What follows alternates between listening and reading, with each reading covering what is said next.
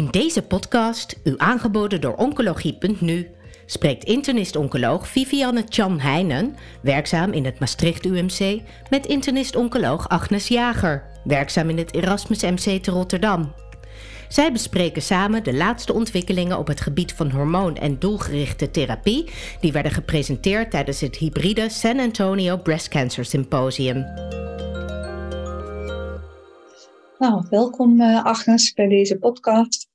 Het was een traditie. Um, gaf ik ook wel aan bij iemand anders, waar ik ook nu wel een aantal keer een gesprek heb gevoerd. Ik vind het erg leuk dat jij ook dit jaar weer van de partij bent. Ik denk vanuit het Rotterdamse waarschijnlijk gevolgd. Um, ik zou met je van gedachten willen wisselen over een aantal hormoontherapie-studies. Want ik denk dat er toch wel weer aardige dingen zijn verteld. Voor deel opvolgend op de eerdere congressen. En zo zou ik willen blijven stilstaan bij de Mona Lisa-presentaties. Er waren twee uh, general discussion uh, presentaties. Uh, de eerste betrof een, betrof een gepoelde analyse van de Mona Lisa 2, 3 en 7. Dus even ja, voor het publiek um, samenvattend. Hè, dat zijn de studies waarbij hormoontherapie alleen werd vergeleken met hormoontherapie in combinatie met ribociclib. CDK4-remmer. En bij, de, uh, bij deze studies zeg maar, werd al eerder gemeld dat we een progressievrije overlevingswinst wat te zien. Inmiddels hebben we ook een overlevingswinst gezien. Dat was een Mona Lisa 2-studie. En nu heeft men gekeken naar een, een relatie tussen de intrinsieke tumorsubtypen en dat is weer een relatie tot de overall survival. Ik vond het wel interessante data en ik dacht, jij misschien daar uh, ook nog jouw visie aan en zeg maar de resultaten nog eens delen met ons, hoe jij dat tegenaan kijkt? Dankjewel uh, Vivian, een mooie traditie. Laten we die vooral voortzetten wat mij betreft, want uh, het is altijd genoeg om naar San Antonio te gaan, maar ook om terug te koppelen wat er weer um, voor nieuws is. Um, ja, aangaande de Mona Lisa-studies. Um, we zoeken natuurlijk heel hard naar een groep om te kijken of die wellicht niet behandeld zou kunnen worden met CDK4-6 Aan de ene kant wil je dat niet als dokter. Anderzijds wil je ook vooral het wel vinden als het zo is. Want dan kun je mensen ook die therapie besparen en uh, naar andere uh, ja, zoeken. Uh, dat is ook weer de basis, denk ik, voor deze subgroepanalyse. En het goede nieuws is dat er dus eigenlijk heel weinig um, groepen uitkwamen die het niet goed deden. ze hebben de, de luminals ingedeeld in A en B. En dan de HER2-like en de, basal-likes. Uh, de enige groep die het echt niet, ja, die er eigenlijk geen baat bij lijkt te hebben, is de basal-like. Dat is ook al eerder aangetoond voor palbociclib. Um, en volgens mij staat het ook al uh, voor Ribo met een PFS-uitpunt. Maar in dit geval werd er met OS gekeken. En ja, dan blijkt dat uh, de groep te zijn die er eigenlijk geen baat bij heeft. Ja, om welke groep gaat het dan? Dat is slechts 6%. Dus in die zin is dat maar een hele kleine groep. Uh, maar de idee is dat daar misschien je niet uh, moet behandelen met endocrine of niet in combinatie met CDK4-6-remmer.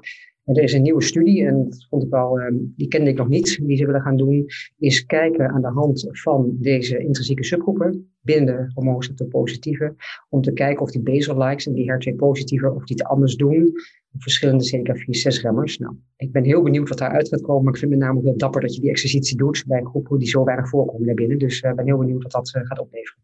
Ja, want dat is ingewikkeld. Hè? Het is inderdaad voor zo'n klein percentage um, wat je daarmee zou kunnen bereiken en alle kosten van dien. Van de andere kant zag je ook wel dit keer bij San Antonio hè, dat die moleculaire diagnostiek een steeds belangrijkere plek gaat innemen. Ja. ik ben het helemaal mee eens dat als je kunt voorkomen dat iemand ja, een, een onnodige toxiciteit en ineffectieve therapie gaat krijgen, is dat natuurlijk ook weer veel waard. Um, ja. Maar het onderzoek naar steeds kleinere sub, sub, subgroepen dat wordt wel ingewikkeld. Ja, we moeten denk ik op zoek naar nieuwe studiedesigns wat dat dan gaat. En uh, ja, misschien ja. komen we nog een voorbeeld, dat weet ik eigenlijk niet, maar er waren wel wat uh, voorbeelden ook genoemd op was ja. interessant. Ja.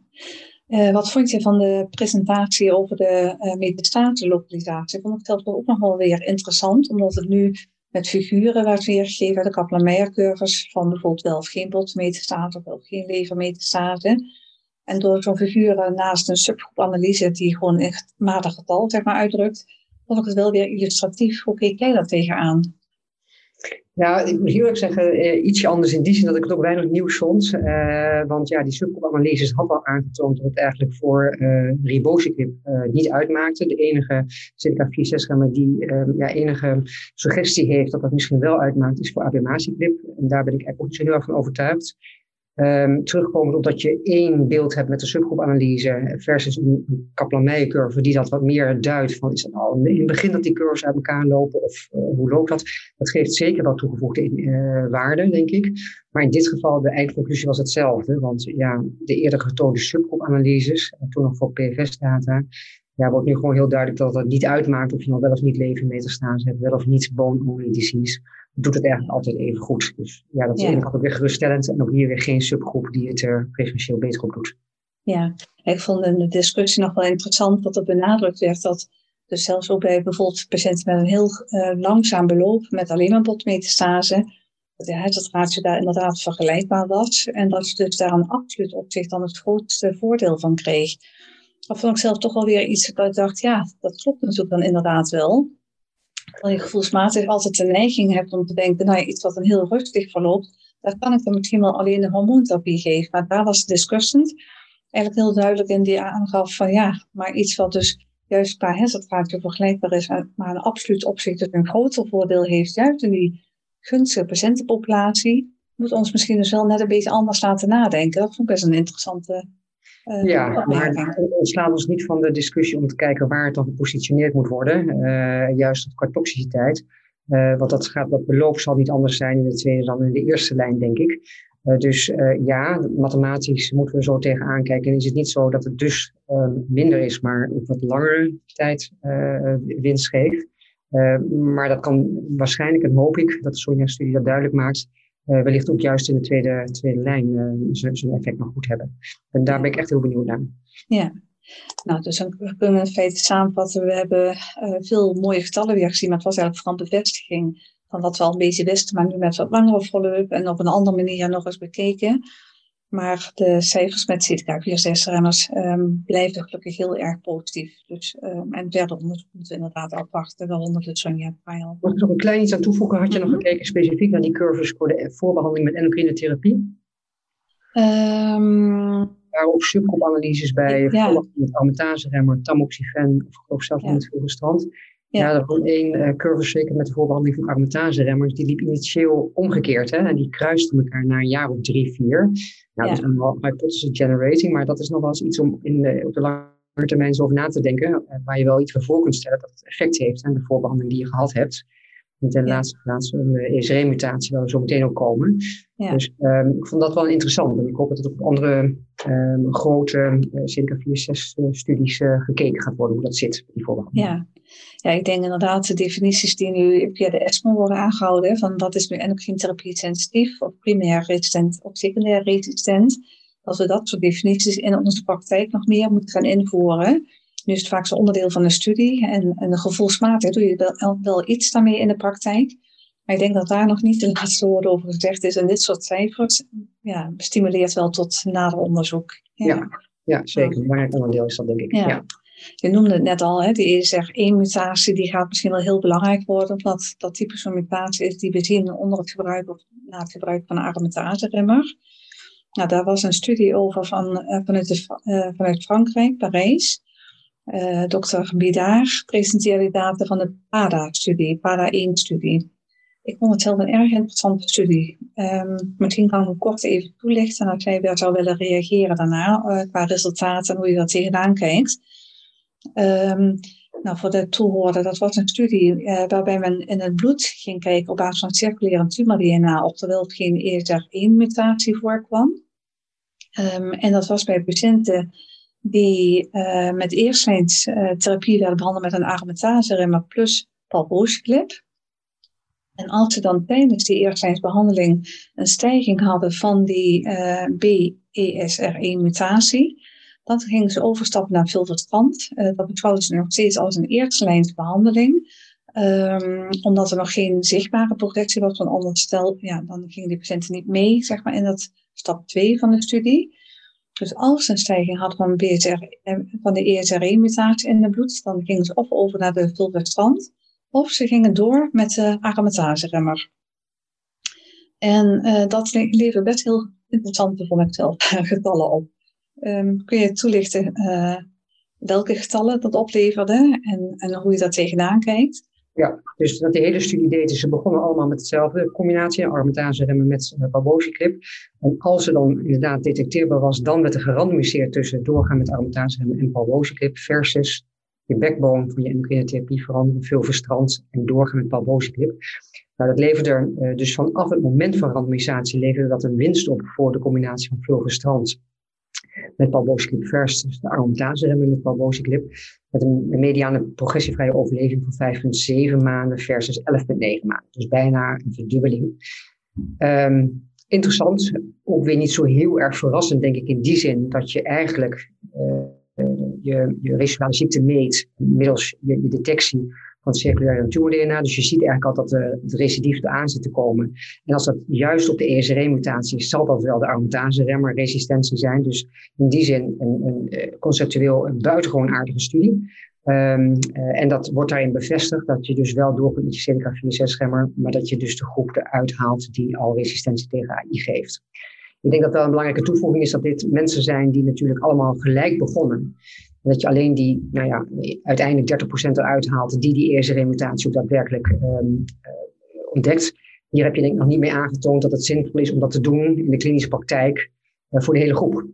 Uh, dan moet het studiedesign echt wat anders zijn, mijn zinziens. Um, want je hebt nu geen goede comparator. Dat hebben ze wel geprobeerd. Hè? Dus ze hebben een mhm. duidelijke meerwaarde zien als je die backbone haalt, als je die eerste remutatie aantoont in het bloed. Wat ze gezegd hebben, nou, wat we dan doen is als die mensen een macroscopische progressie hebben in de groep met de aromatase en een palbociclip, dan gaan we die ook nog veel verstand met palbociclip geven. En dan gaan we kijken hoe lang die PFS is. Nou, die was niet het verschil uh, wat je als meerwaarde had al meteen uh, met, met je wissel aan veel verstand. Maar die was korter, die was een half 3,5 maanden. Ja, ik zie het staan, 3,5 ja. maanden. Ja. Uh, anderzijds, je mist dan even je delta tussen microscopische detecteerbare ziekte in het bloed versus macroscopische ziekte in je, je beeldvorming. Dus um, buitengewoon interessante studie. Het uh, concept is denk ik aangetoond uh, en eigenlijk bevestigd van wat je ook eigenlijk verwacht. Ja, en ik zou het wel heel boeiend vinden om na te gaan denken of dit studies zijn die we zouden kunnen doen. Maar dan moet je wel een eerlijk vergelijk met je huidige behandeling. Dat is eigenlijk niet doorgaan met veel verstand en palbociclip, maar eigenlijk alleen verstand geven. Mm -hmm. uh, en dan kun je nog over denken of je een derde arm doet met die palbociclip aan toegevoegd. Maar ja, ik ben bang dat die studie nooit gaat volgen. Ja. Ik vond de onderzoekers vrij enthousiast dat dit nu maar meteen een soort standaard op care moest worden. Dat vond ik zelf wat te snel. Ik weet niet wat jij daarvan vindt. Ja. Vond ik ook. Uh, ik vond het conceptueel wel interessant. Want ik dacht van, goh, dit soort circulaire tumor-DNA. Je gaat dus niet alleen naar fracties kijken, hoeveel komt het voor. Maar je gaat ook kijken wat voor soort circulaire tumor-DNA. Uh, dat concept, denk ik, dat gaan we de komende jaren ongetwijfeld veel vaker aan studies zien. We moeten vooral niet standaard willen doen. Maar voor studies vind ik het wel ja, heel erg nuttig om daar naar te kijken. Um, ik denk, ja, het blijft ook nog steeds wel heel erg vroeg van ga je überhaupt nu kijken naar een ESR1-mutatie ook in een nieuwe metastase. Um, dat vind ik misschien al dichterbij komen dan dit concept. Dat je het in het bloed regelmatig gaat controleren op basis van circulair tumor-DNA. Ja, die weet ik niet. Dan moet ik echt zeggen, want ik denk eigenlijk dat het een veel bredere afspiegeling is als je het in het bloed meet. En tegenwoordig hebben we natuurlijk hele goede detectiemethoden waarbij het merendeel van de ESR-mutatie daadwerkelijk vangt. Uh, één en twee, wat jij ook zegt, conceptueel is dit heel aantrekkelijk, want het is niet alleen een prognostische maat, tumor bulk, mm. maar dat ook een predictieve waarde, waarde gaat krijgen. Ja. Dat bewijst dit gewoon. Mm Dus daadwerkelijk ja. Uh, ja, een andere keuzebehandeling ja. Ja, nee, ik ben het er helemaal mee eens. Uh, het punt wat ik net een beetje wilde maken, dat je uh, in een studie van vorig jaar bij San Antonio werd gezien dat je ook bij circulaire tumor DNA soms zeg maar iets aanwezig ziet komen dat je als je doorgaat met een aromatase remmer het soms ook weer verdwijnt dat maakt het zo lastig om zeker te weten van wat zien we hier nu precies. Dus ik denk dat we vooral nog meer onderzoek nodig hebben. Voordat we van circulair tumor DNA en de mutatiestaat wel echt gaan meenemen in onze dagelijkse praktijk. Ja. ja. Ja, en wat het voordeel is dat, dit soort, als je gerichte mutaties gaat zoeken, dat je natuurlijk wel eerder bent bij de klinische implementatie, omdat het goedkoper is dan een heel panel runnen. Ja. Dus um, nou ja, de, absoluut uh, de weg waar we in moeten, volgens mij, qua onderzoek. Ja, dus, ja, ja, ja. leuk hè? Ja. ja, en toen kwam de discussie over wat is dan die beste backbone. Uh, in deze studie was het dus ook een aromatase remmen of de vulvastrand als uh, SART. Maar intussen zien we dat heel wat firma's nieuwe SARTs aan het ontwikkelen zijn, orale SARTs, dus in tabletvorm. En een van de gedachtegangen is ook, ja, als je praat over endocrine therapie resistentie, dan hangt het ook natuurlijk heel sterk van hoe effectief is de nieuwe endocrine therapie. mocht je een heel sensitieve endocrine therapie hebben, dan is de definitie van een endocrine sensitieve tumor of resistente tumor misschien ook alweer anders. En dat was een interessante discussie, vond ik. En die werd opgehangen aan de Emerald-studie. dat was een fase 3-studie, ehm, waarbij patiënten die progressie hadden op eerstlijns endocrine therapie plus een CDK4-6-remmer. Ehm, daar werd zeg maar, tussen gerandomiseerd tussen of deze nieuwe orale SART, elicestrant, of een endocrine monotherapie naar keuze. Dus dat was opvulverstand of een, een van de drie aromatase-remmers. En um, daarvan gaven ze aan, het was best een zwaar behandelde populatie, of een patiëntenpopulatie best een agressieve tumorbiologie had. 70% van deze patiënten had viscerale metastase en ongeveer 20% had ook wel één lijn van chemotherapie gehad. En ja, ze presenteerden de resultaten en, ik ben benieuwd hoe jij naar die resultaten kijkt. En misschien wil je eerst de resultaten zelf toelichten. Ja, um, het is gekeken als primair eindpunt naar mediane progressievrije overleving. En ja, er was al wel verwacht dat het niet zo heel erg lang zou zijn. Uh, maar het was ja, toch wel heel teleurstellend kort. Het was 1,8 uh, maanden voor de controlearm. Dus wat de dokter zelf gekozen had. Uh, 70% een uh, veel verstrand 30% de argumentatieremmers versus 2,8 maanden. Dus uh, vol trots werd de hazard ratio van 0,7 getoond. Maar ja, dat zijn natuurlijk wel waarden waar we niet heel blij van worden. Een verlenging van één maand uh, met een nieuw medicament. Maar wat interessant was, zij hadden vooraf uh, een subgroep uh, gedefinieerd waarbij ze dezelfde vraag wilden beantwoorden, namelijk met de aanwezigheid van een ESR-mutatie. En dat vond ik wel heel interessant. Uh, in die zin dat je daar ziet dat uh, nog steeds de standaardarm een mediane progressievrije overleving 1,9 maanden heeft. En die wordt, gaat naar 3,8 maanden uh, voor de groep met de, de, de ELAS. ELAS, ELAS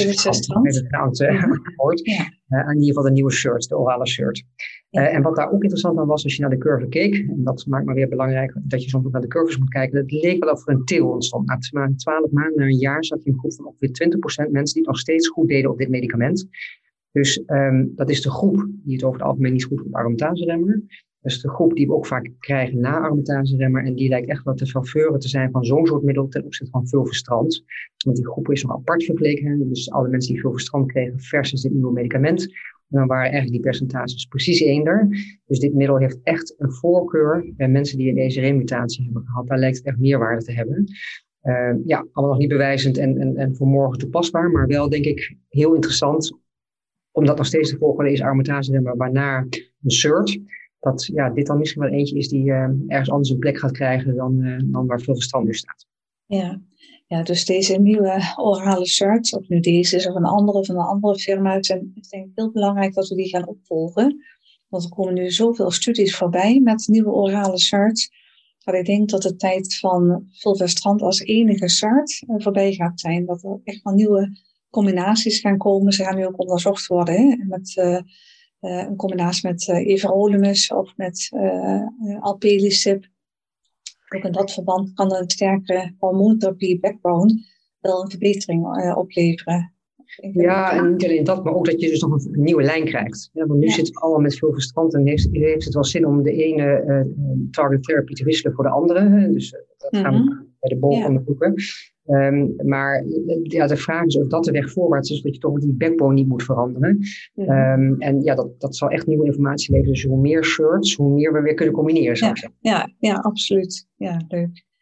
Ja, ik denk dat dat eigenlijk volgens mij de belangrijkste hormoontherapie-studies waren bij, bij gemetiseerd, bedoel ik, uh, mammacarcinoom. Ik zou eigenlijk een uitstapje willen maken naar patiënten met een vroeg stadium uh, mammacarcinoom een studie waar we natuurlijk ook al um, veel al over gesproken hebben en die nu inmiddels ook in de GCO is gepubliceerd door Michael Clint en andere, is de Pallas uh, trial. Uh, dat was die studie met uh, artsen van palbootsklip bij patiënten met een hormoonreceptor positief HER2-negatief mammacarcinoom. Dat is ook een kleine 6000 patiënten, fase 3 studie. En um, ja, de vervolgresultaten waren dat er in beide armen eigenlijk hadden we die getallen ook al eens eerder gehoord, hè, maar nu was het de vierjaars invasieve ziektevrije overleving, was die, was die 84% voor beide armen. En ook in verschillen voor de subgroepen. Hoe keek jij tegen deze uh, update aan? Uh, heb je nieuwe dingen gehoord waarvan je zegt, ja, dat was misschien wel goed om in de gaten te houden, of daar moet je eens op letten als je de GCO-paper leest? Nou, kijk, het is buitengewoon belangrijk dat we langere follow-up data krijgen. We hebben nu vier studies die in adjuvante setting uh, iets doen met de CDK4-6-remmer. Uh, waarbij de resultaten uh, in tegenstelling tot wat we bij de gemeenschapsgezinde ziekte hebben gezien, echt anders zijn. Um, van jaar, het heeft wel een effect. Het is wel FDA-approved voor twee jaar versus de Pallas-studie die negatief is, die ook twee jaar dat geeft. Um, ik denk dat het buitengewoon belangrijk is bij deze studie dat die lange follow-up echt uh, in acht genomen wordt voordat we hier tot, tot registratie overgaan, eerlijk gezegd in Europa. Uh, dat van de FDA kunnen we niet meer inhalen, maar ook daar maar ik best wel zorgen over, zullen we zeggen, hoe, zinvol dat nu is. Want als je heel kritisch naar de curves kijkt, dan zie je ook bij deze studie dat in de eerste twee jaar, als je wil, dat er een minimaal voordeel is van 1%. Dat vergaat dan bij langere follow-up. Um, dus ja, het kan natuurlijk heel goed zijn dat het middel wer wel werkt, maar dat het uh, uitstel geeft in plaats van definitieve curatie. En ja, zo, zo kijk ik er volgens nog een beetje tegenaan. Ik ben dus buitengewoon benieuwd wat die AB-clip data op lange termijn gaan doen. Mm -hmm. uh, dat is denk ik één. Uh, tweede is, Knant presenteerde dit en die gaf voor hem een duidelijke verklaring. hij zei, ja, weet je, we kunnen allerlei dingen kijken, maar dat is het allemaal niet. Maar waarschijnlijk heeft het te maken met dat je uh, AB-clip continu geeft dat je Paul Boosklip en ook Riboosklip uh, met een, een, drie weken op, één week af schema geeft. Dat dat misschien iets te maken heeft dat je daardoor de senescent cells uh, misschien eerder zou ja, activeren of juist niet onderdrukken. Daar bleef het een beetje stil, vond ik. Nou, ik vraag me af of dat uh, de, de, verklaring is. Het is een interessante hypothese. Uh, maar belangrijk is dat we langer follow-up krijgen en ook straks de ribosiclip data krijgen om te kijken hoe we nu uiteindelijk moeten duiden. Ja, wat misschien nog wel uh, aardig is nog te benadrukken, ja, hij keek ook nog apart naar de verklaring van dosisreducties, omdat dat voor wat genoemd, hè, dat het balbootslip opmerkelijk vaak in doos gereduceerd was en mensen waren bezorgd. Had het dan anders moeten, hadden we daar misschien beter naar moeten kijken en, en een ander protocol moeten volgen. Maar ook voor de patiënten zonder doosreductie was eigenlijk geen significant verschil. Dus achteraf was dat geval niet de verklaring. Wat op zich ook alweer geruststellend is, dat er dus niet iets wat in de opzet van de studie Um, dus dat is het niet. En hij gaf inderdaad ook al aan, en ik denk inderdaad, precies wat jij ook zegt, je hebt langere termijn data nodig, eigenlijk van alle studies. snel onderzoek is denk ik ook belangrijk, vergelijken van al die verschillende studies. Um, hier zal nog niet het laatste woord over gezegd zijn. Hè, in de zin van dat we daar nog wel meer data uit kunnen gaan halen, waar we misschien wat van kunnen gaan leren. Ja. Ja, maar teleurstellend hoor, vind ik. Aan de ene kant ben ik, ben ik hè, blij dat we niet mm -hmm. straks een soort zitten dat vier, zes, alle armatages hebben. Ze hebben dat vier, vijf, zes jaar moeten geven. Aan de kant, ja, ik had hier vooraf meer van verwacht dan nu ja. zien, gezegd. Ja. Dus dat blijft toch ook een beetje teleurstellend. Ja, dat is ook zo. En op zichzelf ben ik nog wel positief over de Monarch E-studie met de ABEMAAT. En ik hoop dat het resultaat uh, goed blijft. Ook, ook, omdat het dan juist wat meer uh, stof tot nadenken geeft. Als je verschillen hebt tussen studies, dan kun je gaan zoeken waar dat komt dan precies. Ja.